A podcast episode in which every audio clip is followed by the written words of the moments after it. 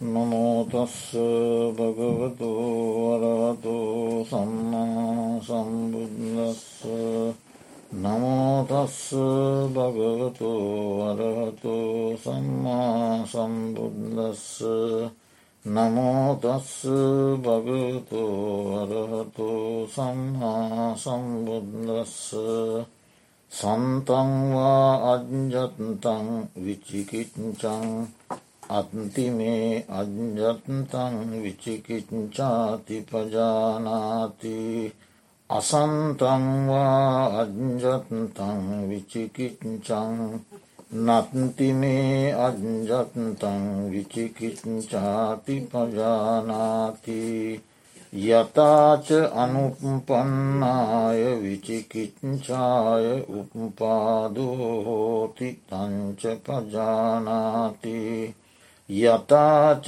උපපන්නාය විචිකිච්චාය පහනං හෝති තංච පජානාති යතාච පහිනාය විචිකිච්චාය ආයතින් අනුපාදෝහෝති තංච පජානාති ඉතිඅජ්ජත්තංවා ධම්මේ සුධම්මානු පසසී විහරති බහින්දාවා ධම්මේ සුධම්මානු පසසී විහරති අජ්ජත්ත බහින්දාවා ධම්මේ සුධම්මානු පසසී විහරති සමුදය දම්මානු පස්සසීවා දම්මේසු විහරති.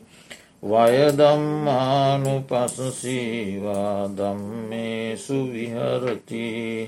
සමුදය වයදම්මානු පසසීවා දම්මේසු විහරති. අත්ති දම්මාතිවා පනස්ස සතිපච්චු පට්ටිතා හෝති. යාවදේවඥානමත්තාය පතිස සතිමත්තාය අනිසසිතෝච විහරති නචකින්චි ලෝකේ උපාදියති. ඒවම්පිකෝ භික්හවේ භික්කෝ දම්මේසු දම්මානු පසසී විහරති. පංචසුනීවරණේසු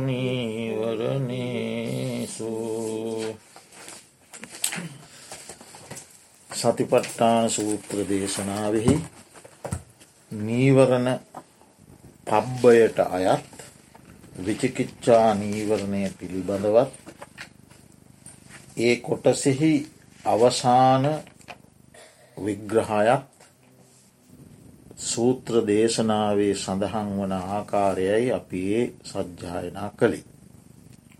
එතකොට විචිකිච්ඡාව කියන්නේ බුද්ධාදී අටතැන්හි සැකයි. එය නීවරණ ධර්මය. නිවන් මග වසාලන කුසල් මග ආවරණය කරන ප්‍රඥාව දුබල කරන අනිකුත් නීවරණයන් සේම ඒ ධර්ම මාර්ගයට අනතුරක් බාධාවක් ඇති කරන ධර්මතාවය. නූපන් කුසල් උපදවා ගන්නට උපන් කුසල් වැඩිදියුණු කරගන්නට විචිකිච්ඡාව බාධා කරන. සබ්භාසව සූත්‍රයේදී ඒ විචිකිච්ඡාව දාශය ආකාරයකට විස්තර කෙරෙන අතර බොහෝ තැන්වල ආකාර අටකින් දක්වලා තිබෙන. ඒ අට ආකාරය ගත්තොත් බුදුරජාණන් වහන්සේ පිළිබඳ සැකය ධර්මරත්නය පිළිබඳව සැකය ආර්ය මහා සංගරත්නය පිළිබඳව සැකය ශික්ෂාපද ශීලය පිළිබඳ සැකය පෙරජීවිතය පිළිබඳව සැකය මතු ජීවිතය පිළිබඳව සැකය පෙර මතු ජීවිත දෙකම පිළිබඳව සැකය පටිච්ච සමුපාද්ද ධර්මය පිළිබඳව සැකයි. ඒ සැක සංකා විසඳාගන්නා තෙක් නිශ්චිත භාවයකට හිත පත් කරගන්නා තෙක් ධර්මමාර්ගයේ ඉදිරියට යෑම අඩාල කරනු අපහසුවනු. ඒ නිසා සැකයක් ඇති වුණාම ඒ සැකය විසඳාගෙන ඉදිරියට යායුතු වෙනවා. අපි මීට කලින් සාකච්ඡා කළ සප්ත විශුද්ධියේ කංකහා විතරණ විශුද්ධි කියලා අපි ඉගෙන ගත්තේ ඒ පටිච්ච සමුප්පාදී ධර්ම මගින් නිශ්චිත බවට පැමිණෙනවා මේ නාමරූප ධර්මයන්ගේ පැවැත්ම පිළිබඳව. එතකොට සබ්භාසව සූත්‍රයේදී දැක්වෙන්නේ වෙනස්සාකාරයකට විචිකිච්චාව. මම අතීතයේ වූයෙම්ද මම අතීතය සිටියද. එවනත්තන් සිටිය නැද්ද නොවූයෙම්ද. කවරෙක්ව සිටියෙම්ද. කෙබඳු සටහන් ඇතිව සිටියෙක්ද කොහොමද කොහොමද මගේ කොහොම සටහන්ද මගේ තිබුණේ. එතකොට ඒ අතීතයේ මම සිටියා නම් කවරෙකු වෙලා ඉඳල දෙතෙන්ඩාවේ. කවරකුව සිට කවරෙකු වූයෙන්ද. මම අතීතයේ සිටියෙම්ද නොසිටියෙම්ද කවරෙක්ව සිටියෙම්ද කෙබඳු සටහන් ඇතිව සිටියෙම්ද කවරෙකුව සිට කවරෙකුයෙන්ද. එ ඔන්න පස්සාකාරය අතීතය පිළිබඳ. එතකොට වර්තමානයේ අනාගතය පිළිබඳවත් ඒ ආකාර පහමයි. මම අනාගතයේ සිටින්ද නොසිටින්ද. කවරෙක්ව සිටින්නේද. කෙබඳු සතහන් ඇති කෙනෙක් වේවිද. කෙබඳුව සිට කෙබඳු කෙනෙක් වීද. කියලා ඒ අර මේ පහම අනාගතයටත් යන. දොඩ දහයයි. වර්තමානය පිළිබඳ හය ආකාරය. මේ මම ඉන්නවද මම මම එතවට මම කියල නැද්ද. මම වෙම්ද මම නොවෙම්ද. මම කවරෙක් වෙම්ද. මගේ ස්වභාවය මොකක්ද. මම කොහි සිට ආවේද. මං මෙතනින් කොහි යන්නේද. මේ මම කියන එකත් එක්ක බැඳිලා ඉතින් එහෙම හටගන්න ආකාර එතන හයයි. එතට ඔක්කොම දාසි. ගොඩාක් අවස්ථාවල අර මුලින් කිව්වාට ආකාරය තමයි ගැනෙන්.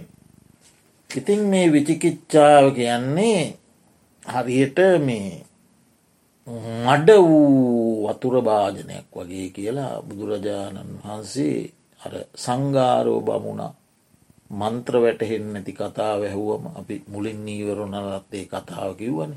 ඒ ආපු වෙලාය ඔන්න බුදුරජාණන් වහන්සේ මේ නීවරණ ගැන තමයි විස්තර කරන්නේ එක ඒක නීවරණයට උපමා සහිත. විචිකිච්ඡාව දක්වන බමුණ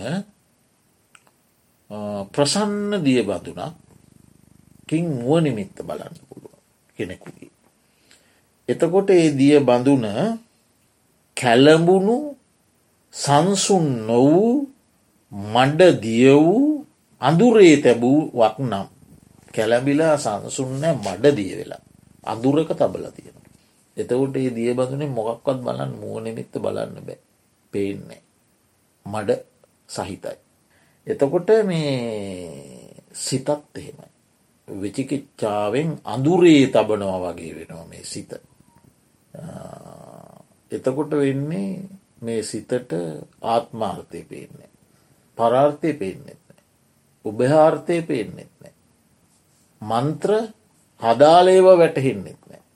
නොහදාලේව කෝමත් වැටහෙන්නේ.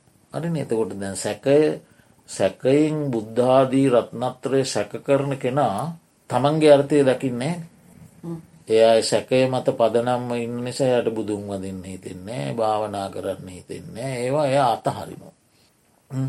එයා පරාර්ථය දකින්නෙත් අන්න අයටත් එයා කියනු නෑ වැදන්නේ විශ්වාසයක් නෑන නිශ්චිත නිසා එයා අන්න අයත් නොමකටයව ඒකයි ආත්මා පරාර්ථ දෙක මෙයාට පේන්නේ.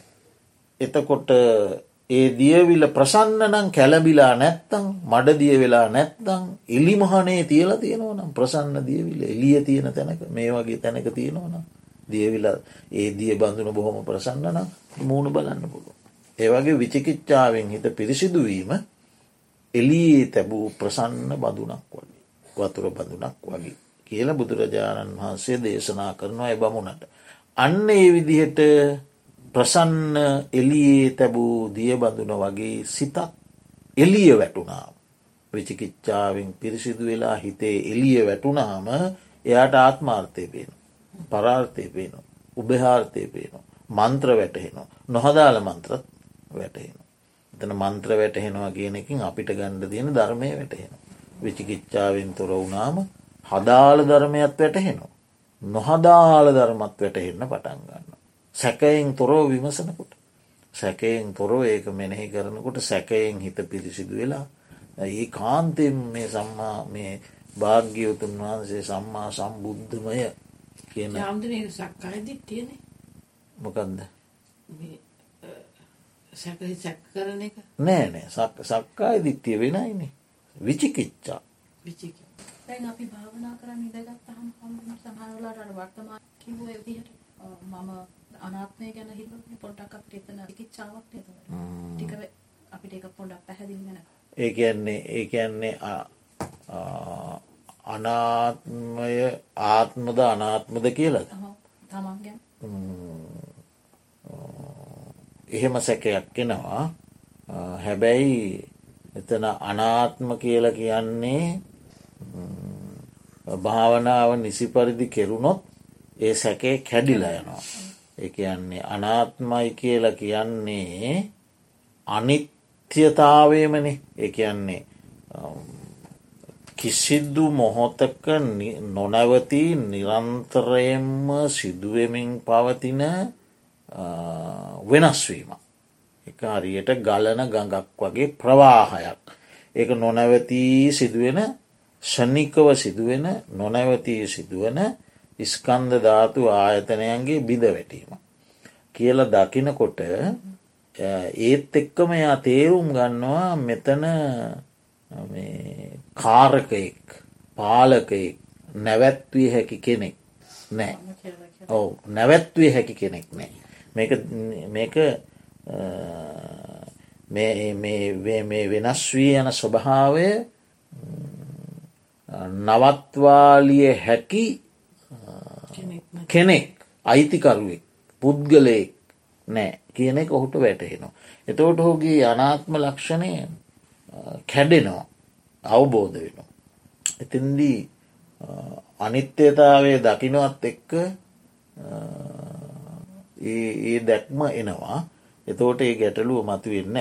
මෙතන කියන්නේ මේ මම වෙමිද නොවිමිද ඒ ඒකින් කියන්නේ පුද්ගලයා විසින් සෙවිය යුතුදේ නොසොයා. හරිද අපි මෙනෙහි කළ යුත්තේ දුක. හරි දුක ඉපදීමේ හේතුව. දුක්ක නිරෝධය. නිරෝධ මාර්ගය. චතුරාර්ය ශක්තියන. ඒ චතුරාර්ය ශක්තිය පිළිබඳව නොසොයා මේ මම වටා ගොඩනැගුණු මම කේන්ද්‍ර කොටගෙන ගොඩනැගුණු අතීත වර්තමාන අනාගත කියන කාලත්‍රයට ඇති සංකල්ප ටිකක්. මම හිටියද නැද්ද? කෙසේ සිටියාද? කෙමදු සටහන් ඇතිව සිටියාද? කවරෙක්ව සිට කවරෙක් සිටිව හිටියාද? මම දැන් ඉන්නවද? දැන්මං කවරෙක්ද ඔය විදිහේ සංකල්ප ඔස්සේ හිතන්ට යෑමෙන් පුද්ගලයා හිතන්ට ඕන ටික නෙමේනි දැම් මෙ හිතන්න හරිද දැන් සාමාන්‍ය පුහුදුන් මිනිසා කියන්නේ නූගත් පුහුදුන් මිනිසා මේ මේවා මේවා අල්ලගෙන මේවා ගැන හිත හිතා ඉන්න. හරි මේවා ගැන හිත හිතා මේවා ගැන සැක කර කර ඉන්න. ඒ තුළින් ඔහු හිතිය යුතුදී දැන් ඔහු තුළ තියෙනවා ඉපදීම. දැන් ඔහු තුළ තියෙනවා දිරාපත්වීම. දැන් ඔහු තුළ තියෙනවා මරණය. දැන් ඔහු තුළ සෝක පරිදේව දුක්ක දෝමනස්ස තියෙනවා. දුක දැන් තියෙනවනේ. එතවට දැන් දැකිය හැකි දුක ඔහු අතහරිනවා. අතහැරල මේ සංකල්ප ටිකක් කල්ලගෙන මේවත් එක්ක තර්ක කර කර දර්ශනවාද හදාගෙන පැටලි පැටලි ඉන්න. ඒකයි එතන තියෙන නරක. එහෙම නැතුව කෙනෙක් ධර්මමාර්ගයට ප්‍රවේශවීම සඳහා යම් නොදන්නා දෙයක් අහ ගැනීම සැක කිරීම සැකයක් ඇතිවීම ප්‍රශ්නයන්න වෙයි. එයා ඒ සැකේ විසඳාගන්නේ ධර්ම මාර්ගයටෙන්. එහෙම සැක අපිට ඇති වෙනවා. ඒක විචිකිච්චාවක් වුණත් එයා ඒ විචිකිච්ඡාවෙන් ඒ විචිකිච්ඡාවෙන් එයා ඒක ප්‍රශ්න කරන්නේ විමසන් එහෙම අපි කොච්චර විමසනවත්. ඒ විමසන්නේ ඔහු ධර්ම මාර්ගයට ප්‍රවේශ වෙන. එයා ධර්ම මාර්ගයේ යන කෙනෙකුට ඇතිවෙන සැකයක්කේ. තර මෙතන සැකේ මේ කියන්න එහෙම එකන්නෙවේ. එතන අවබෝධයක් නැතුව. ඔහු ඔහු මෙනෙහි කළ යුතු ධර්ම මෙනෙහි නොකර මෙනෙහි කළ යුතු චතුරාර්ය ශත්‍රය ආශ්‍රව ධර්ම ඒවනේ. ආශ්‍රව හටගන්න කොහොමද? මාතුළ කෙලෙස් තියනවා කෙලෙස් සටගන්න කොහොමද? කෙලෙස් සටගන්න හේතුව මොකක්ද කෙලෙස් නිරුද්ධ කරන්න කොහොමද? නිරුද්ධ කිරීමට මගමොකක්ද මම දිරාපත් වෙන කෙනෙක්. ඇයි මං මෙහෙම දිරාපත් වෙන්නේ? මේ දිරාපත්වීමට හේතුව මොකක්ද මේ දිරාපත්වීමෙන් මම මිදෙන්නේ කොහොමද? ඒ මිදෙන්ට තියෙන මඟ මොකක්ද මම මැරෙන කෙනෙක් මරණයට හේතුව මොකක්ද මරණය නිරුද්ධ කරන්නේ කෙසේද? මරණයෙන් නිරුද්ධ වෙන මාර්ගය මොකක් දේවන මනුෂ්‍යයෙක් හොයන්ඩ ඕනේ. ධර්ම මාර්ගය යන කෙන ඒවනි හොයන්නේ. එතවට ඒවා හොයනකොට යායට සැකයක් ඇති වුණොත් ඒ සැකේයා විමසන්නේ මේ මාර්ගය පිරිසිදු කරගන්න. දැ මෙයා මේක විමසන්න එහෙම අදසකින් නෙවෙයි. මෙයාට මේ ඒව වැඩන්න ඇ ජරාමරණ කතාවක් වත්නෑ මෙයා නිකම් මේ මේ මම කියන දෙයක් කේන්ද්‍ර කරගෙන ප්‍රශ්න කර කර ඉන්න කෙන අනවබෝධය. එතවට ඒ සැකය මාර්ගයට කිසිසේත්ම උපකාර වෙන්නේ. ඒ සැකේ කවදාහවරයා ඒ සැකයෙන් මිදෙන්ට ඕන එතකොට නය මාර්ගයට එන්නේ ඊළඟට ඒ මාර්ගය යනකොට ධර්මය පිළිබඳ යම් යම් සැක ඇතිවීම හරි. එතකොට එයා ඒ සැකේ විසඳ ගතයුතු. මේක අරමතත්වය. එතකොට අන්න ඒ විදිහට මේ එලියේ තැබූ බඳුනක් වගේ ප්‍රසන්න බඳුනක් වගේ හිත පිරිසිදු වනාම එයාට ආත්මාර්ථ පරාර්ථ උභයාර්ථ සියල්ලම දකිනෝ ධර්මයත් වැටහෙනවා නොහදාල ධර්මත් වැටේ. අදාළ ධර්ම හොඳටම වැටේ. ඒ විදිහටත් බුදුරජාණන් වහන්සේ මේ සැකය ගැන දේශනා කළා. ඊළඟට සාමං්්‍ය පල සූත්‍රයේදී දේශනා කරනවා ධන සම්පත් බෝග සම්පත්තියන මිනිසෙක්කින්න. ඒ මිනිසා ආහාර හොයා ගැනීමට බොහෝම අපහසු. දුර්ලභ ආහාර පාන නැති දුක් කරදර සොර සතුරු වුවදුරු සහිත දීර්ඝ කාන්තාර මාර්ගයකට යනවා පිවිසෙනවා. දැම් දීර්ඝ කාන්තාර මාර්ගයක යනවා. යනකොට ඔහුට දකිින්ට ලැබෙනවා සොර සතුරන් විසින් ධනය පැහැරගන විනාශ කරපු තැන් දකිින්ට ලැබෙනවා කාන්තාරි. එතකුට ඔහුට බයක් ඇතිව. මටත් එහෙම අනතුරක් වෙයිද. ඊළඟට ඔහු පොඩි සබ්දෙන් පවා තිගැස්සෙන. කුරුළු හඩකින් පවා තිගැස්සෙන. ඇයි මේ මාර්ගය වුවදුරු සහිතයි. සොර සතුරු ගහනයි. එතකොට ඔහුට ඒ සැකයක් එනවා මටත් එහෙම වේවිද කියන තත්ත්වයක් එනවා. එතකොට ඔහු සමහර අවස්ථාවල නොයා ඉන්න. සමහර අවස්ථාවල යනවා. ඒ කියන්නේ හෝ ඒ බිය තැති ගැනීම ආප අවස්ථාවල නතර වෙන. එහෙම සිටිමින් යමින් තමයි හෝ ඔහුගේ ගමන යන්න. නිශ්චිතව එක දිගට යන්න හෝට බය ඔහුට සැකයක් තියෙනවා. එක දිගට යන්නේ සැක සහිත. යම් කිසි දවසක ඔහු ඒ නිරුද්ධකව ජලය නැති ඒ වුවදුරු සහිත මාර්ගෙන් මිදිලා තමන්ගේ ගම්මානයට එනු.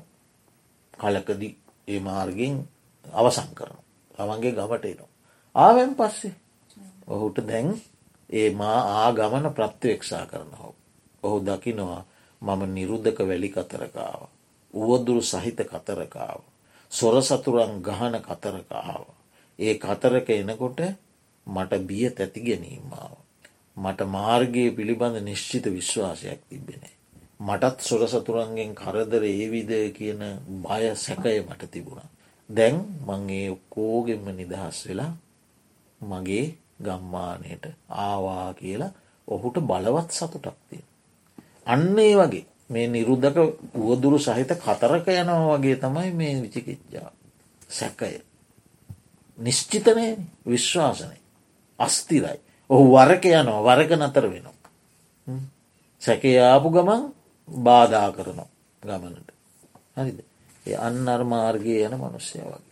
අන්න ඒකෙන් නිදහස් වනාමර ගමට ඇවිල්ල ප්‍රත්‍යවක්ෂා කරන මිනිහ වගේ දැන් එයට කිසිතු සැකයන්න. ගමන විශ්වාස ස්තිරයි. තමන් නිදහස් පුද්ජලයෙක් කියලහුට වැටහෙනවා. අන්නේ විදිහ. එතකොට දැන් ඔහුට අර බය නැති භූමියට තමන්ගේ ගම බය නැති භූමිය එක කිසි බයක් නෑ. ඒ බය නැති භූමියට පැමිණීමට ඔහුට අර සොර සතුරන්ගෙන් මටත් තානි වෙයිද ආදී සංකල්ප. ඒ නිසා නෙහු වරක නතර වෙනවා. ටිකක් ඉන්නවා. අය යනවා. අය සද්‍යයක් එහෙම එවුනම ආය නතර වෙනවා. එතවට හොගේ ගමන පමා කරන්නේ. ඒ සැකය සහ බිය ඔහුගේ ගමන පමා කරා. එතවට අපිටත් මේ නිර්වාණ ගමන පමා කරනවා මේ සැකේ. ගමන ප්‍රමාද කරන. ඇයි අපි වරක යනවා. තවවරක ඉන්නවා. නේද. මාර්ගයේ වඩන් නැතුව නතර වෙනවා දැන් සැකෑවිල්ල. එහෙම වෙයිද මෙහෙම වෙයිද අරම වෙයිද මෙහෙම වෙයිද. එල ඉති මාර්ගය අතහරින. එතකට මාර්ගය පම ප්‍රමාද වෙන. අන්න සැකයෙන් වෙන්නේ ප්‍රමාදය. ඉතින් ඒටික තමයි විචිකිච්ඡාව ගැන ඔය සූත්‍ර දේශනාවල තියෙන යම් යම් කරුණු. ඒ බුදුරජාණන් වහන්සේ පිළිබඳ සැකේ ධර්මය පිළිබඳ සැකේ සංගරත්නය පිළිබඳ සැකේ ශික්ෂාපද සීලයේ පිළිබඳ සැකේ පෙරආත්මය පිළිබඳ සැකේ මතුආත්මය පිළිබඳ සැකේ පෙර මත්තු දෙකම පිළිබඳ සැකය පටිච් සමුපාත් ධර්මය පිළිබඳ සැකේ ඒටික. එතකොට දැන් ඔන්න ඔය විචිකිච්ඡාව ගැන දම්මානු පස්සනා සතිපට්ටානයේදී බුදුරජාණන් වහන්සේ දේශනා කරනවා අත්තිමේ අජ්ජත්තං විචිකිච්ඡාතිී පජානාති. සන්තන්වා අජ්ජත්තං විචිකිච්ච. මාගේ සන්තානෙහි. මාගේ චිත්ත සන්තානයෙහි විචිකිච්ඡාව ඇත්නම් හටගත්තා නම් හටගෙන තිබෙනවා නම් මාගේ සන්තානයේ විචිකිච්ඡාව හටගෙන තිබෙනවා කියල දැනගයි. දන්නවා. මේක විචිකිච්ඡාව. මේක මේ සැකයක් මේ බුදුරජාණන් වහන්සේ පිළිබඳ සැකයක් මේ ආවි. ධර්මය පිළිබඳ සැකයක් මේ ආවි. සංඝයා පිළිබඳ සැකයක් මේ ආවි. සීලයේ පිළිබඳ සැකයක් මේ ආවි. කියලා පෙරභවයේ මතු භවය පෙර මතු බව දෙකම පටිච්සම්පාධර්මය පිළිබඳ සැකයක් මේ ආවි කියලා එයාක හඳුන ගන්න. හඳුනගෙන සැකයක් සැකයක් සැකයක් කියන එක ඔහු මෙනෙහි කරනවා. සැකය මෙනෙහි කරනවා. ඒ සැකය අනිත්‍යාදී වශයෙන් බලන්නත් පුළුවන්. මේ සැකය කියල කියන්නේ චෛතසික ධර්මය. චෛතසික ධර්ම හටගන්න හිතේ. හරිද එතවට මේ හිතත් මේ හටගත්ත චෛතසිකයත් ඒ චෛතසිකයත් එක්ක සම්ප්‍රයුක්තව හටගන්න අනිකුත් චෛතසිකත් ඒ සිත චෛතසික හටගන්නට උපකාරවන මේ රූපධර්මයක් රූපධර්මය පාදකකටගෙන්නේ හටගන්නේ උපකාරයන උපනිශ්‍රය තුள்ளනේ ඒ සියල්ල අනිත්‍ය දහම් කියලා ඒක මෙනෙහි කර අනිත්‍යාදී වශයෙන් ඒම මෙනෙහි කරන්නත් පුළුවන් සැකයක් කියලා මෙනෙහි කරන. ඊළඟට අසන්තංවා අජ්ජත්තං විචිකිච්චං නත්ති මේ අජ්ජත්තං විචිකිච්ඡාති පජානාත. තමාගේ සන්තානය තුළ නිසක බව තියෙනවා සැක නැත්නම් දැ සැකයක් නෑ. නිශ්චය බවට ගිල්ල ස්තිර බවට ගිය සිතා. සැකයෙන් තොරයි. ඒකත් දැනගන්න. මාගේ චිත්ත සන්තානයේ සැකයක් නෑ. විචිකිච්ඡාවක් නෑ. ඒ විචිකිච්ඡා නැති සිතත් එයාට පුළුවන් අනිත්‍යාදී වසයෙන් බලන්ට. මේ විචිකිච්ඡාවෙන් තොර සිතත්. අනිත්‍යයයි ඒ චේතනත් අනිත්‍යයයි ඒ සංඥාත් අනිත්‍යයයි ඒ සිත්ත චෛතසිකයන් හටගන්න රූපධර්මත් අනිත්‍යයයි ආදී වශයෙන් ඒවත් බලන්න පුළුව. එතකොට ඔන්න විචිකිච්ඡාව තියෙනවනන් තියෙනවා කියර දැනගත්ත නැත්තන් නෑ කියර දැනගත්ත. ඊළඟ කාරණය. යථාච අනුපන්නාය විචිකිච්ඡාය උප්පාදෝ හෝති තංච පජානාති. යම්සේ නූපන්නා වූ විචිකිච්ඡාවේ ඉපදීමක් වේද. ඉපදිලා නැති විචිකිච්ඡාව. ඉපදීමක් වේද. ඉපදීමේ හේතුවක් වේද. ඒකත් දැනගන්න. මේ නූපන් සැකේ උපදින්න මේ ආකාරයෙන් කියල දැනගන්න. තුන්ගනි කාරණය. කොහොමදී විචිකිච්ඡාවට හේතුවන දහම් තියෙනවා. විචිකිච්ඡාවට හේතුවන දහම් තියෙන. සැකයට හේතුවන දහම්. හරිද ඒ දහම් මෙනෙහි කරන. සැකයට හේතුවන දහමක් ආවම ඒ දහම අයෝනිසෝ මනසිකාරයෙන් ඔහෙ මෙනෙහි කර කර ඉන්නවා. ඒකෙන් නූපන් විචිකිච්චා උපදින්. උපන් විචිකිච්චාව වැඩෙනවා. සැකයට හේතුවන දහම් නුවනින් තොරව මෙනෙහි කරන. ඒ තුළින්. ඊළඟට සැකයට හේතුවන දහම් නුවනින් තොරව මෙනෙහි කරලා එක බහුල වශයෙන් කරන. බහුල වශයෙන් ඒ යෙදෙනවා. ඒ මෙනෙහි කිරීම බහු නැවත නැවත නැවත නැවත ඒ මෙනෙහි කිරීමම හිත පවත්වන. ඒ කඩාගන්න. ඒක විමසලා දන්න කෙනෙක්ගෙන් අහලා මට මෙහෙම සැකයක් තියෙනවා ස්වාමීන් වහන්ස කොහොමද මේක කියලා අහලා ඒක විසඳගන්න නැතුව නුනුවනින් යුක්තව ඒකම මෙනෙහි කර කරා ඒකම බහුල කරන. නැවත නැවත නැවත නැවතේ දෙෙන. එතකොට නූපන් විචිකිච්චාව ඉපදිලා උපන් විචිකිච්චාව වැඩි දියුණු වෙලා විචිකිච්චා ගොඩක් සිත විචිකිච්චාවෙන් වැහිල යන සැකේ. ඊළඟට කුසල අකුසල දහම් පිළිබඳ අයෝනිසෝ වනසිකාර. කුසල දහම් අකුසල දහම් පිළිබඳ යම්යම් අවස්ථාවල නිශ්චිත නෑ අපිට. කුසලේ පිළිබඳ හෝ අකුසලේ පිළිබඳ නිශ්චිත නැති අවස්ථාතිය.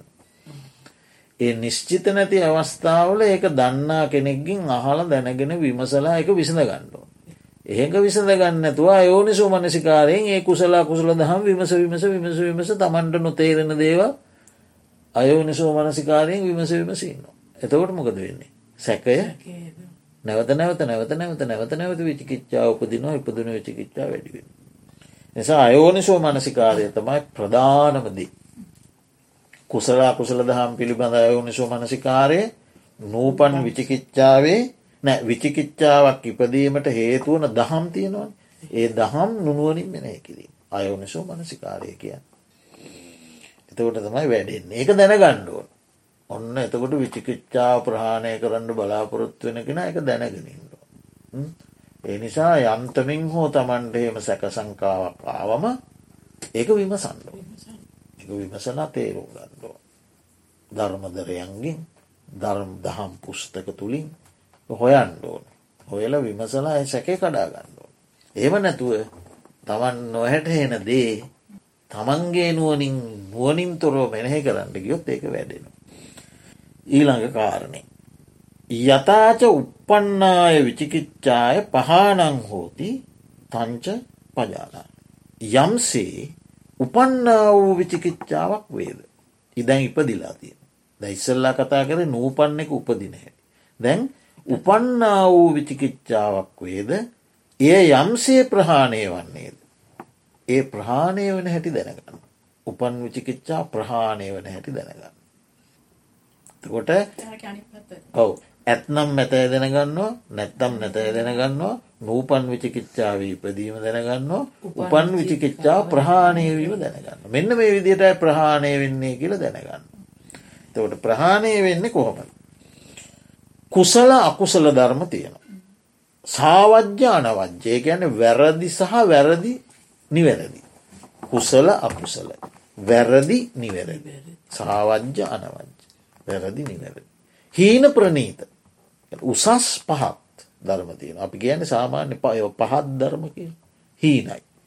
ප්‍රනීත ගැන උසස් ධර්ම. හීන ප්‍රනීත. කන්න සොක්ක කල්ලු සුදු කලු කියන්නේ නරක දහම් කියන එක. පාප දහම්. සුදු කියන්නේ කුසල යහපත් දහම්. කන්න සුක්ක. සේවිතබ්බා සේවිතබ්බ. සේවනය කළ යුතු සේවනය නොකළ යුතු. පැහැදිලිද.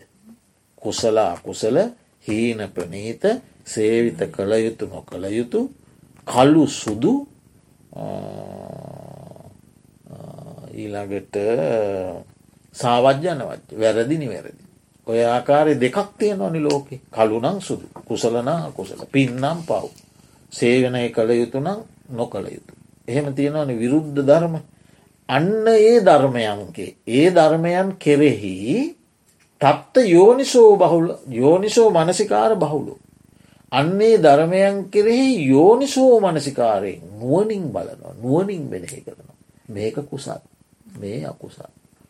මේක හීන දහම. පහත් මේක ප්‍රනීත දහම. මේක සේවනය කළ යුතු දහම. මේ සේවනය නොකළ යුතු දහම. මේ කළු දහම මේ සුදු දහම. ඒ විදිහට නුවනින් යුක්තෝ විමසන. ඒ යෝනි සෝ මනසිකාරය බහුල වශයෙන් පවත්තන. නුවනින් විමසීම. එතකොට මොකද වෙන්නේ. නූපන්නා වූ විචිකිච්චා උපදින්නේ. ඉපගැන් ඉපදිලා නැති විචිකිච්චා උපදින්නේ. උපන්නාව විචිකිච්චාවක් තියෙනවන එක ප්‍රහාණය. නූපන්දේ උපදින්නෙත් නෑ උපන්දේ ප්‍රහාණය වෙලා යන. ඒකට හේතුවෙන ඔන්න යෝනිසෝ මනසිකාර. නිසා කුසල අකුසල ධර්මයන් පිළිබඳ නුවනින් මෙනෙහි කිරී. ඉතාම වැදගත්. එතකොට අට්ට කතාවේ දක්වනව තව කරුණු හය. බහුස්සුතතා දහම් ඉගෙනගෙන තිබීම. විවිධ මාතෘකා ඔස්සේ දැ විචිකිච්චාව ප්‍රහාණය කරන්න නම් විචිකිච්චාව සම්බන්ධෝ දැනගැනීම බහුස්සුත බව. විචිකිච්චා කියන්නේ කුමක් ඒක හටගන්න කොහොමද ඒක ප්‍රහාණය වෙන්නේ කොහොමද? එවැනි දෙයක් හටගත්තම කළ යුත්තේ කුමක්ද? ඒවා ගැන දේශනා කරලා තියෙන්නේ කුමන තැන්වලද? ඒ බෞෂ්ෂත බව. හරි? ඒ ශෘතවත් බව. තියෙන කෙනාට මේක බොහොම පහසුයි. ඊළඟට පරිපුච්චි කතා. පරිපුච්චි කතා කියන්නේ ඒ ත්‍රවිධරත්නය පිළිබඳවනේ බොහෝදුරට සැක එන්නේ. එතකොට ඒ ත්‍රවිධරත්නය පිළිබඳව ඇතිවෙන සැක විමසා දැන ගැනීම. ඒ පිළිබඳව අසා විමසා දැන ඉගෙන ගැනීම. ප්‍රශ්න කරමින් විමසමින් එහි යෙදෙනවා. ඒක හිතේ තියාගෙන තමන්ට ඕන විදියට හිත හිතායින් නැතිව එක පරිපුච්චි කතා. එක නුවනින් තවත් දන්න කෙනෙක් එක්ක කතා කරලා එක විසඳගන්න. පරිපුච්චි කතා. එතකොට ත්‍රිවිධරත්නය කෙරෙහි කරුණු දැන විමසා දැනගත්තාම ත්‍රිවිධරත්නය කෙරේ සැකයක් ඇති වුණොත් ඒවා විමසා දැනගත්තම ඔන්න බුද්ධරත්නය දම්මරත්නය සංගරත්නය කෙරේ සැකේ දුරුවෙන. සැක කඩාගන්න පුළුවන්. ඊළඟට ඒ දෙවැනි කරුණ පරිපුච්චි කතා. තුන විනයෙහි විනය විනිශ්චය කිරීම. විනය විනිශ්චය කිරීම කියන්න. දැන් ඔන්න තමන්ට ශික්ෂාපදයක් ගැන සැකයක් ඇතිෙන. හරි. එතුට ශික්ෂාපද තියෙන විනයන සූත්‍රෝල නෙම විනය පිටකේ තියෙන. ප්‍රාණඝාතය සිද්ධ වෙන්නේ කොහොමද. ප්‍රාණඝාතයේ තියෙන අල්පසාවද්‍ය මහාසාවද්‍ය බව මොකක්ද. නිස්තීරෝම ප්‍රාණඝාතය සිදුවීමට අවශ්‍යාංග මොනවද. එය විනේ තියෙන්නේ. හරිද. එතකොට ශික්ෂාපද පිළිබඳව සැක ඇති වෙනකොට තමන්ඩෝනය ඕනෑ විදිහට ඒක විසඳා ගණ්ඩයන් නැතුව ඒක විනයට අනුව විසඳ ගන්න. විනයේ තියෙන ආකාරය අහනවා දන්න විනේ දන්න කෙනෙකින් අහනවා. අහල දැනගෙන එක විසඳ ගන්න ආන්දුරුවමට මේ ශික්ෂාපදය පිළිබඳ මෙම ප්‍රශ්නයක් තියෙනවා. මට ඒක විසඳ ගණ්ඩුව අන්න එතකොට අන්න ඒ විදියට විනය විමසනෝ. ශික්ෂාපද විමසනෝ. එතවට ශික්ෂාපද විමසනකොට ශික්ෂාපද පිළිබඳව තියෙන සැකේ දුරුවෙන. දැගන්න සැක හතරක් දුරුණාදව. බුද්ධ දම්මත විදරත්නය ගැන විමසනකොට බුද්ධයකංකති දම්මයකංකති සංගේකංකති දුරුවෙන. විනය විමසනකොට සික්කහායකංකති දුරුවෙන. ඒ හතර දුරුවෙනකොට සෙසු හතරත් දුරුවෙලා යන ආය තියෙන්නේ ඒව දුරුවෙන. ඒව දුරුවීමට අර හතර දුරුවීම උපකාර වෙන. ඇයි බුදුරජාණන් වහන්සේ ගැන සැක නෑ. එතකොට අය සැක අනිත් ඒව තියෙන්ට බෑ ධර්මය ගැනත් නෑ. සංඝයා ගැනත් අපිට සැක නෑ. හරි අනිවාර්යම මේ සංගරත්නය පටිච් සමුප්පාදය දැකලා තමයි අවබෝධයෙන් තමයි අරිහත්වයට ආවේ. මේ අව ඒ කාන්තෙන් මේ පටිච් සම්පාදය බුදුරජාණන් වහන්සේ දේශනා කළ දෙයක්. බුදුරජාණන් වහන්සේ කාන්තයෙන් පෙර භවයක් දේශනා කලා පසු භවයක් දේශනා කලා කියලා බුද්ධරත්නය ධර්මරත්නය ගැන නිසක වෙනකොට සැක නැති වෙනකොට පටිච් සම්පාදය පෙර බව මතු බව පිළිබඳ සැකදුරුව. තට ඒ ඒ දෙක වැදගත්. බහුස්සුත බව ත්‍රවිධරත්නය පිළිබඳව විමසා බැලීම විනය පිළිබඳව විමසීම. ඊළඟ කාරණය අධිමොක්ක බහුලතා. අධිමොක්ක බහුලතා. ඒගැන අධිමොක්ක කියල කියන එක අපි ඔයිට කලින් ඉගෙන ගත්තා. මක්ගාමග්ග ඥාන දස්සන විශුද්ධියේදී අපි මතකද? යම් කිසි කෙනෙක් මාර්ගඵල නොලබා මාර්ගඵල ලැබූ කෙනෙක් බවට හැඟීමක් ඇතිවෙන කරුණු දහයක් දස විදර්ශනා උපක් ලේස එතනත් තියෙන මේ අධිමොක්ක කෙනෙක්. ඒගැන බලවත් සද්ධාව. ඒ විදර්ශනා යෝගයාට ඇතිවෙනවා බලවත් සද්ධාව. එතන අධිමොක්ක කියන්නේ බලවත් සද්ධාවට. මෙතනත් අධිමොක්ක කියන සද්ධාවට තමයි.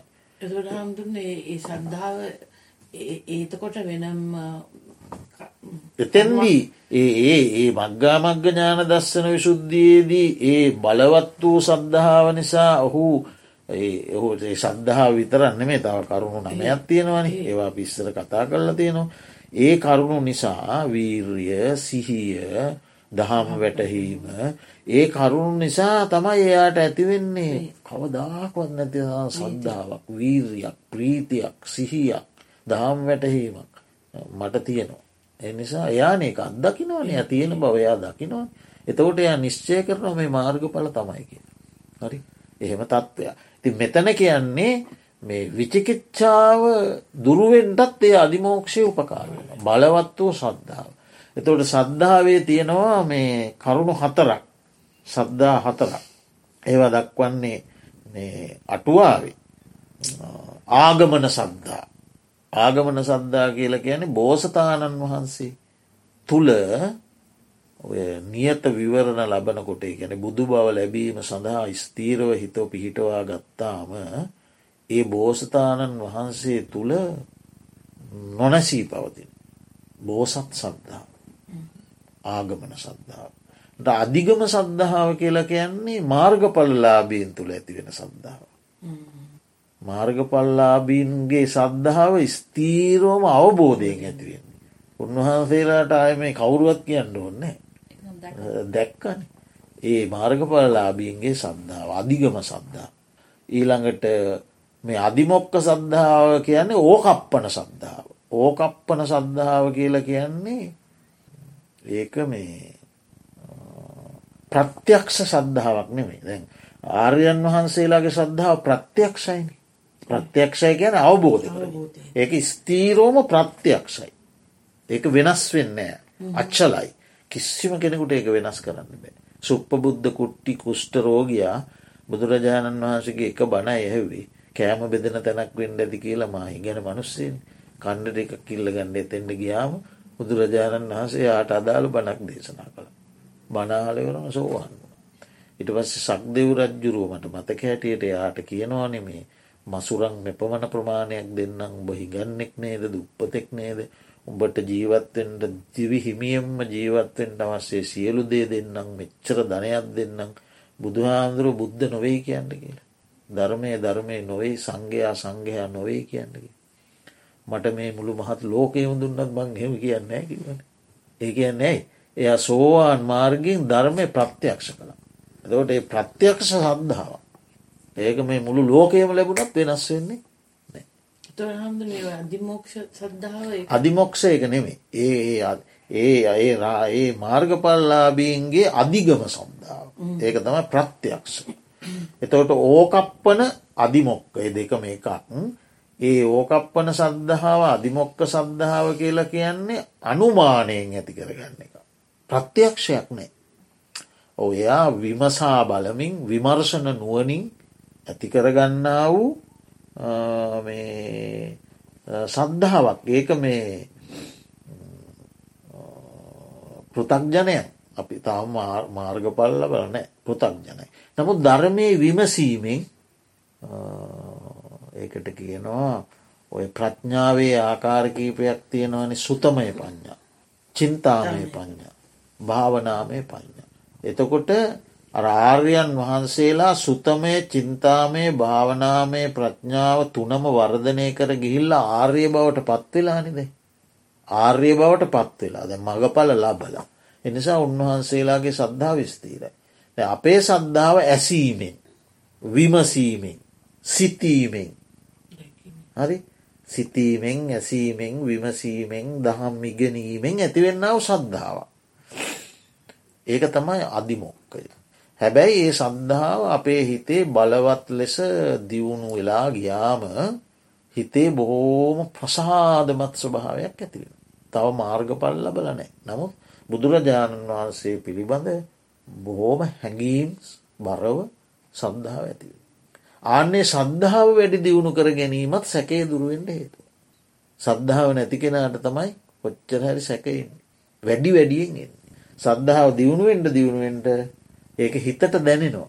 ඒ ආන්තයම මේ බුදුරජාණන් වහන්සේන සම්මා සම්බුද්ධමයි. කියන අදහස හිතට එනවා මාර්ග පල නො ලැබවාට එම අදහස හිතට එනවා. තට දෑත එකතු වෙනවා. ලොකු හැඟීමක් එනවා එක හැම වෙලාම තියෙන එකන්නෙවේ එක වරින් වර වරින් වර එහෙම එනවා ධර්ම මාර්ගය ගමන් කරනකොට.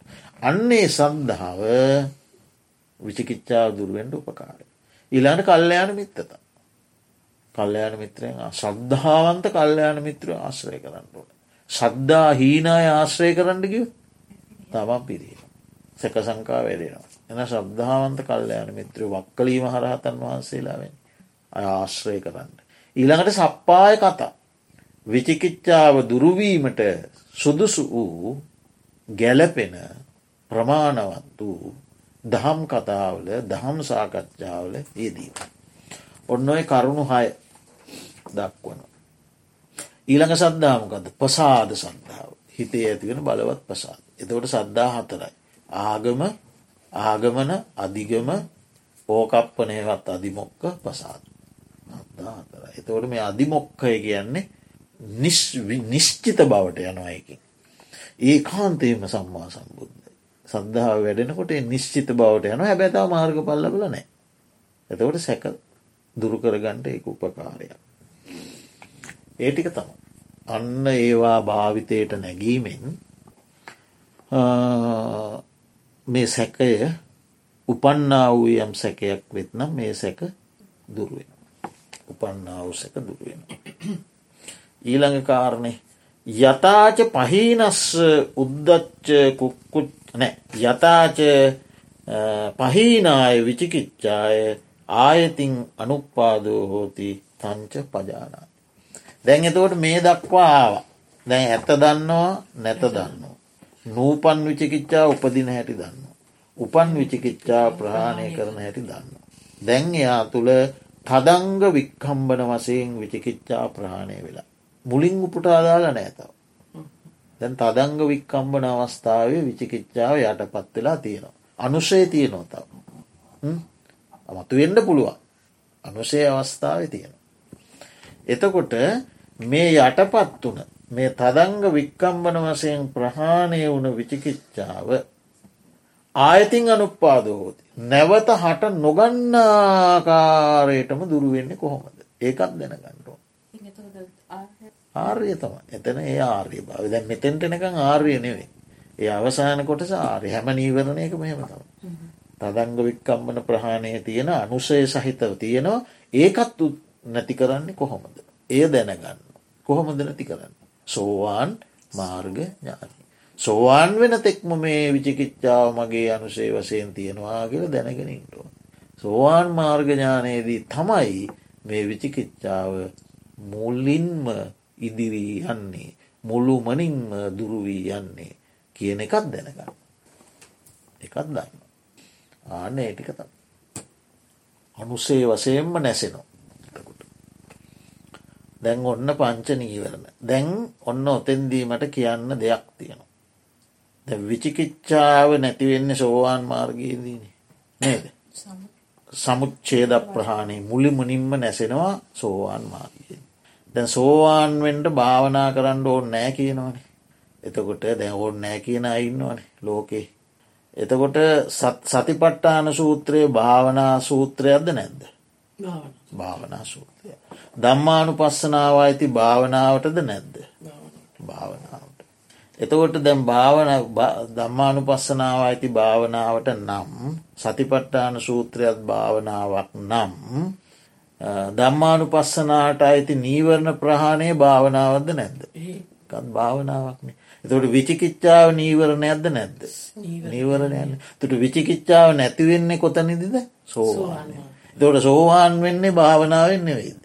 විචිකිච්චාව නැතිවෙන්නේ සෝවාන් වෙනකොට නම් සතිපට්ටාන සූත්‍රයක් භාවනාවට අදාළ සූත්‍රයක් නම් විචිකිච්චාවත් ඒ තුළ තියෙනවා නම් එතකොට භාවනාව අවශ්‍ය නැද්ද.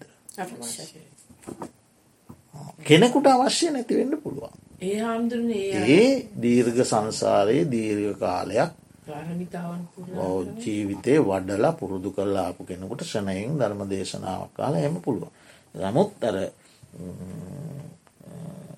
නෙය නෙය පුද්ගලයන්ට නෙය පුද්ගලයන්ට මේක අවශ්‍ය එතට ඔන්න විචිකිච්චාව සෝවාන් මාර්ගයෙන් නැතිවෙන්න එක සතිපත්තානයෙන් තමයි නැතිව. එතකොට දැන් ඊට පස්සේ ඉති අජ්ජත්තංවා දම්මේසු දම්මානු පස්සී විහෙර. ඔන්න දැම් මේ නීවරණ පහම එකට කරලා බුදුරජාණන් වහන්සේ දේශනා කරනවා දැන් මෙන්න මේ විදිහට නීවරණ ප්‍රහාණ භාවනාව කරන මේ පුද්ගලයා තමන්ගේ චිත්ත සන්තානයේ හෝ නීවරණ ධර්මයන් කෙරෙහි ධර්මයට අනුව බලමින් වාසය කරන. තමන්ගේ සන්තානයේ නීවරණ හටගන්නකොට තදංග වික්කම්බන වසයෙන් දුරු වෙනකොට නූපන්නේවා උපදිනකොට උපන්නේවා ප්‍රහාණය වෙනකොට ප්‍රහාණය වූදේ නැවත නූපදිනා තත්ත්වයට පත්වෙනකොට මේවා ඔක්කෝම තමන්ගේ චිත්ත සන්තානය අනුව බලමින් වාසය කරන. තමන්ගේ සිත විමසනවා දම්මානු පස්සීෝ වාසය කරන. බහිද්ධවා දම්මේසු දම්මානු පස්සී විය. අනුන්ගේ හැසිරීම් අනුවත් එයා බලනවා එක. හරි දැන් කවුරුහරි තරහැන් තරහැන් මොනොහරි කරොත් එයා බලන්නේ පුද්ගලයා දෙස නෙමේ දැයා ධර්ම මාර්ගයන යන්නේ. එයා බලනුවන් නිකිවරණයක් නෙම අන්නයට ව්‍යාපාද නීවරණය ඇවිල්ලා. එහෙම දැ අපි එහෙම බලන්න ඇත්තේයි අපි තාම මේක භාවිත නෑ මේක භාවිත වනාම එහෙම තමයි බලන්නේ. ව්‍යාපාද නීවරණය.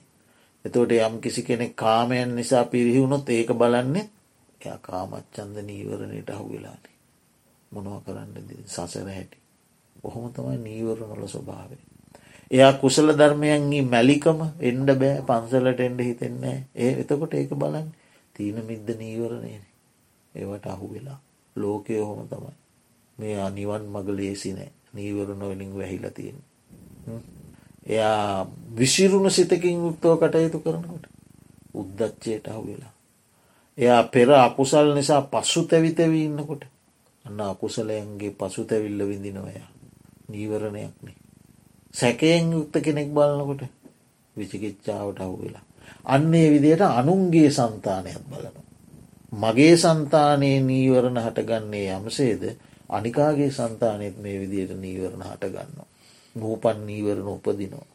උපන් නීවරණ යටපත් කරන්න ඔහුටත් පුළුවන් මට පුළුවන්න. ඒ නීවරණ බලනවා බහිද්ධ වශයෙන් බහිද්ධාවාදම්මේසු. දම්මානු පස්සී විහරති. අජ්ජත්ත බහිද්ධවා දම්මේසු දම්මානු පස්සී විහරති. වරක තමන්ගේ වසයනුත් වරක අනුන්ගේ වසයනු බලන. එහෙම ස්වාමීන් වහන්සේ අපිට හම්බේලා තියෙන. ඔයත්තුන්ට හම්බේලා තියෙන මන්දන්න මට හම්බේලා තියෙන. මොනව කරන්න දායස්මතුන් සංස්කාරෝල හැටින කියන ස්වාමීන් වහන්සේල. වැරදි කරන අයිදිය එහෙම බලන සංස්කාරෝල හැටින. කියල බොහෝම අනුකම්පාචිත්තයෙන් බලන ඒ ඇයි එහෙම බලන්නේ. ආ උන්වහන්සේලා එක මේ නීවරණ පැත්තෙන් බලන්න. පුද්ගලයාගේ වරදක් නසේ නෙමේ බලන්නේ. මොනව කරන්න ඒ පුද්ගලයා ප්‍රතික්ෂේප කරන්න. පුද්ගලයාගේ නීවරණයක් ලෙස දකින. ද අපි තාම දියුණු නෑච්ච. පුද්ගලයන පේ මට හම්බෙලා තියෙන ඇම ස්වාමන් වහන්සේ. වරදට සමාව දෙන. ඇයි සමාව දෙන්නේ. එයා දකිනු එක නීවරණයක්. ඒ ඇත් අහු වෙලා.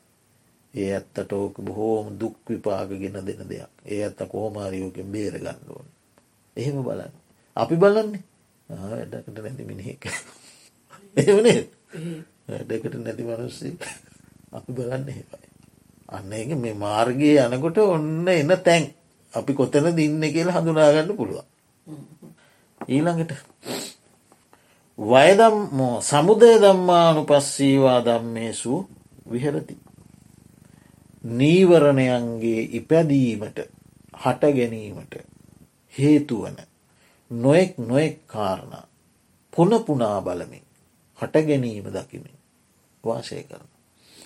වයදම්මානු පස්සීවා දම්මේසු විහරති. නීවරණයන් විනාසයට හේතුව. නීවරණයන් මුළුමනින් උපුටා දැමීමට හේතුවන. තදංග වශයෙන් ප්‍රහාණයට හේතුවන. වික්කම්බන වශයෙන් ප්‍රහාණයට හේතුවන. කරුණු නොයෙක් නොයෙක් නොයෙක් නොයෙක් ආකාරයෙන් පුන පුනා බලමින්. නිතර නිතර බලමින් නිතර නිතර විමසමින් ඒ වය දම්ම ඒව විනාශ කරන ආකාරයන් බලමින් වාසය කරනවා. සමුදය වය දම්මානු පස්සේවා දම්මේ සුවියරති. ඒ දෙකම හට ගැනීම විනාශය දෙකම බලමින් වාසය කරන මේ විදි රට ගන්න මේ විදියට විනාශය වෙන බලමින් වාසය කරන. අත්ති දම්මාතිවා පනස්ස සති පච්චු පට්ටිතා හෝති. දැන් මෙන්න මේ විදිහට නීවර නම් වූ ධර්මතාවයන් ඇතැයි ඔහුට සිහිය එළඹ සිටින. එකන්නේ හටගන්නා හටගන්නා වැය වෙන වය වෙන හැම අවස්ථාවකම ඒ හට ගැනීම වැෑවීම හෝ සිහියෙන් දකින. එතවට දැම් මේ සත්වයා පුද්ගලයා කියලා අපි සලකන මේ ජීවිතය තුළ තියෙන්නේ චිත්ත සන්තානයක් ඒ චිත්ත සන්තානය තුළ හටගන්නා නීවරණ කාමච්චන්දයක් ව්‍යාපාදයක් තීන විද්‍යයක් උද්දච්චකුක් කුච්චයක් විචිකිච්චාව. මේවා තමයි මේ පුද්ගලයාට නිවන් මගට බාධා කරමින් මේවා මෙහේවන නීවරණ ධර්ම නම් වූ සමූහයක් තියෙන.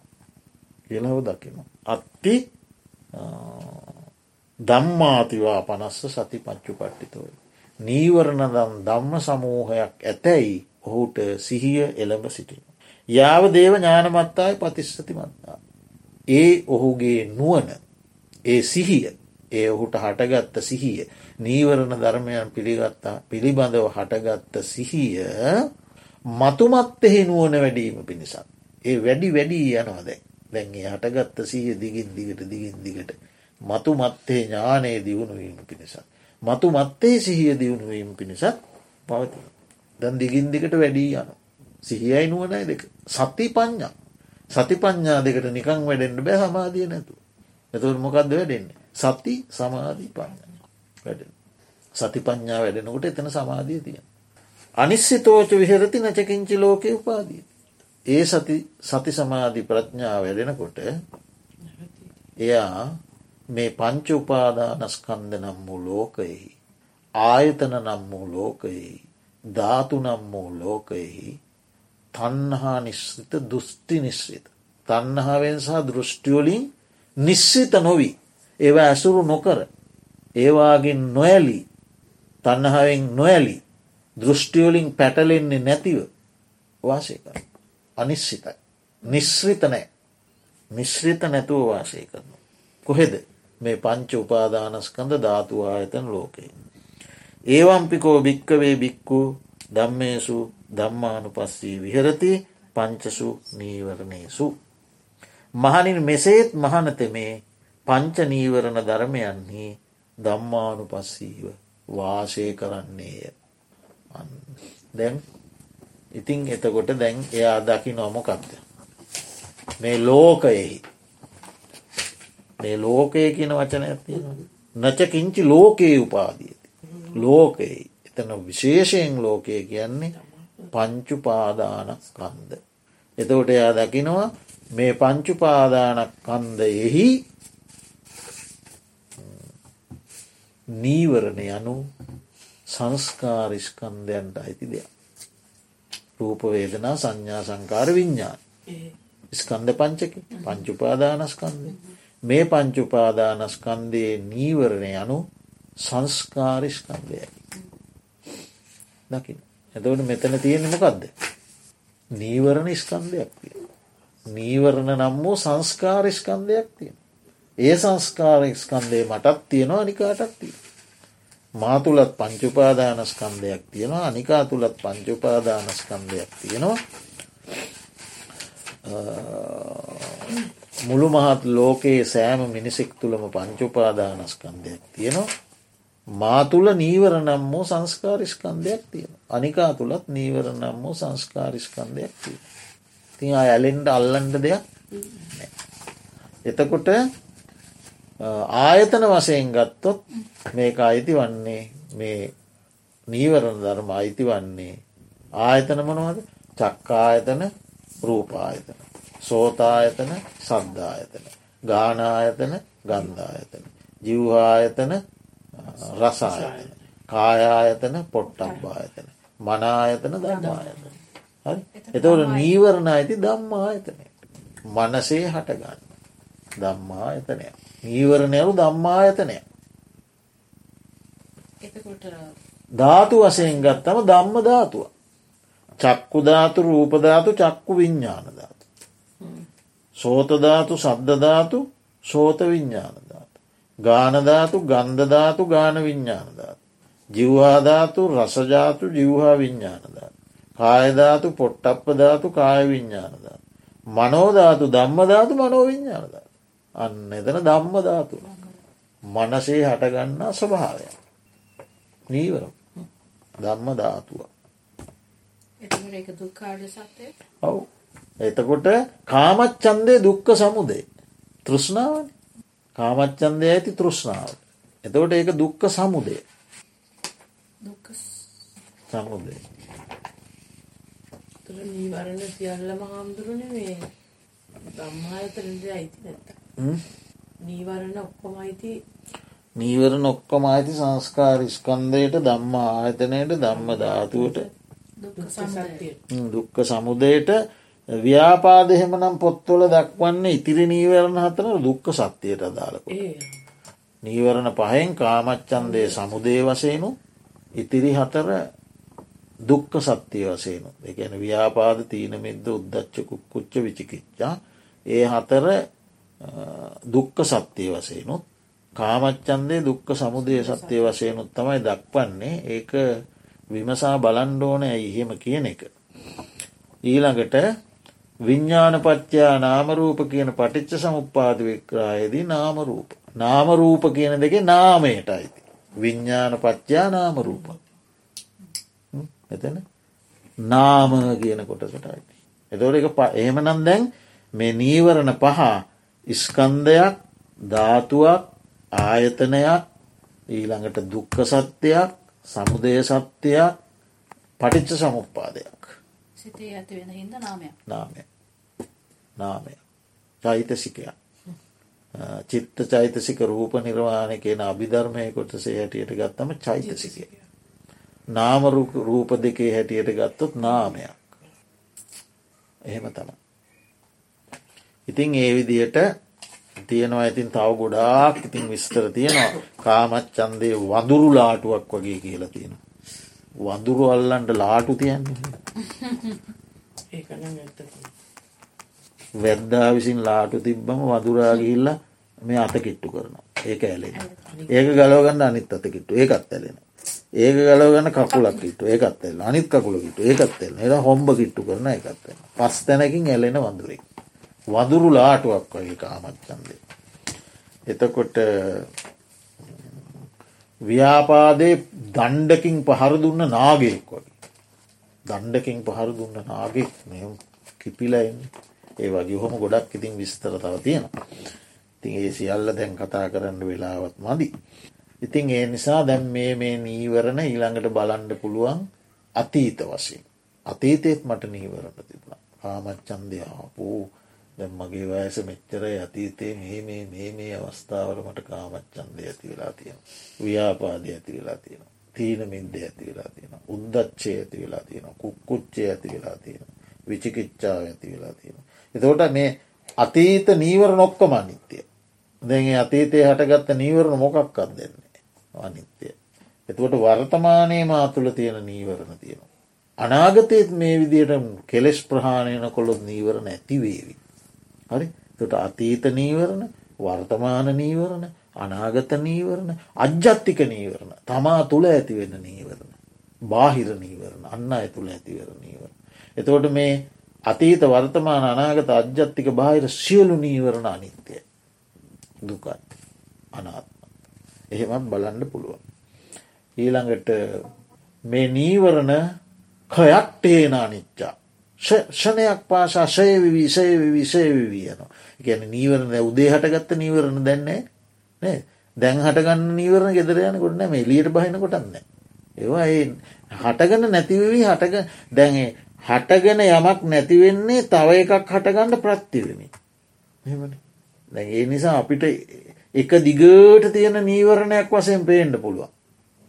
මට තරහක් ඇති වුණාම එක දිගට තියෙන තරහක් කියලමට පේන්ඩ පුළුව එහෙම එක දිගට තියෙන ගන්නෙම ඇතිවී නැතිවී ෂණයක් පාස ඇතිවී නැතිවීම අය අනි ආය ඇතිවෙන්ට ප්‍රත්තිවමින් නැතිවෙලා යන ප්‍රත්තිවමින් නැතිවෙලා යන ප්‍රත්තිවමින් නැතිවෙලා යන අර පහනක් දැල්වෙනකොට වහන දැල්වෙන දැල්වෙන ෂණයෙන් තෙල්ලෙතෙන්ට ඇවිල්ලා දැල්වෙන්ට උපකාරවෙන් ඒ වගේ ෂණයක් පාසා ප්‍රත්තිවමින් නැතිව.